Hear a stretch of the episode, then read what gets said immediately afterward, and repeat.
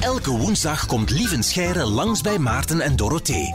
Om een makkelijk antwoord te geven op een moeilijke waarom-vraag. Dag lieven. Een zeer goede dag. Hey, We zijn trouwens heel fier om jou hier in de studio te hebben, want je bent de winnaar van de Wablieft-prijs 2018. Dat is gisteravond bekendgemaakt. Met die prijs bekroont Wablieft, de organisatie, bekroont elk jaar een organisatie, project of persoon die heldere taal gebruikt. En dat doe jij natuurlijk altijd, lieven. En taal is toevallig ook het onderwerp van de volgende vraag. Het is een vraag van Thomas. Zijn mama Heidi heeft die doorgestuurd via de Q-app. Waarom spreken we niet allemaal dezelfde taal? Voilà, lieven, c'est à vous. Kesketje voor keskelabba. Kwaadert was Seat haar mager in min. Ehm, ja. Ehm, waarom spreken we niet allemaal dezelfde taal? Goed, taal verandert door de tijd. Hè? Dat, we merken dat bijvoorbeeld aan het Nederlands. Als je nu Nederlands leest van 200 jaar terug, dat is anders dan nu. Sommige woorden zijn anders, de uitspraak was waarschijnlijk anders, maar we zien wel duidelijk dat is nog steeds dezelfde taal. Dus wat leer je daaruit? Als je een groep mensen die dezelfde taal spreken gewoon alleen laat, dan zal door de jaren heen die taal veranderen. En dan komen we tot een heel simpel principe. Als je die groep nu in twee splitst en die hebben weinig contact met elkaar, dan gaat groep 1 de taal een beetje veranderen in een bepaalde richting en groep 2 in een andere richting. En de kans is klein dat die exact dezelfde veranderingen gaan doorvoeren. Dat hangt gewoon af van wat er in die groep gebeurt.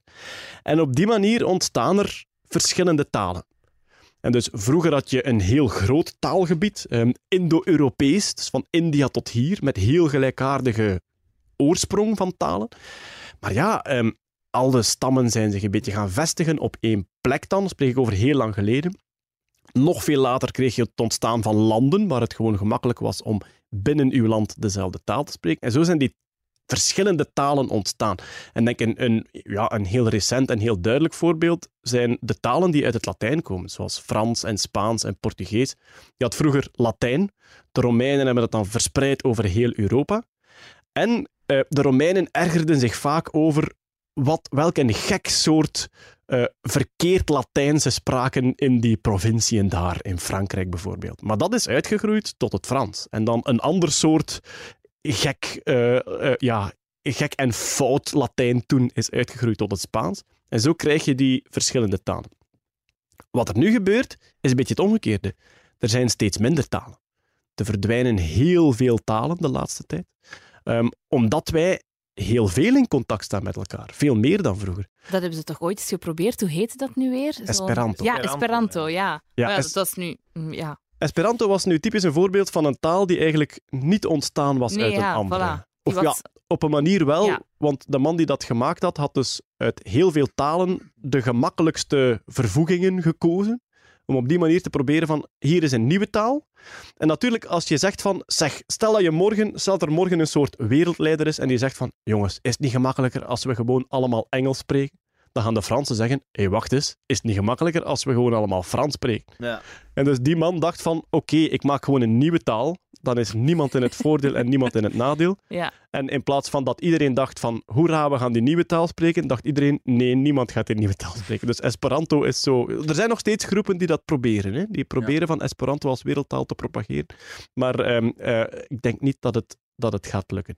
Ik denk persoonlijk dat het Engels aan het winnen is.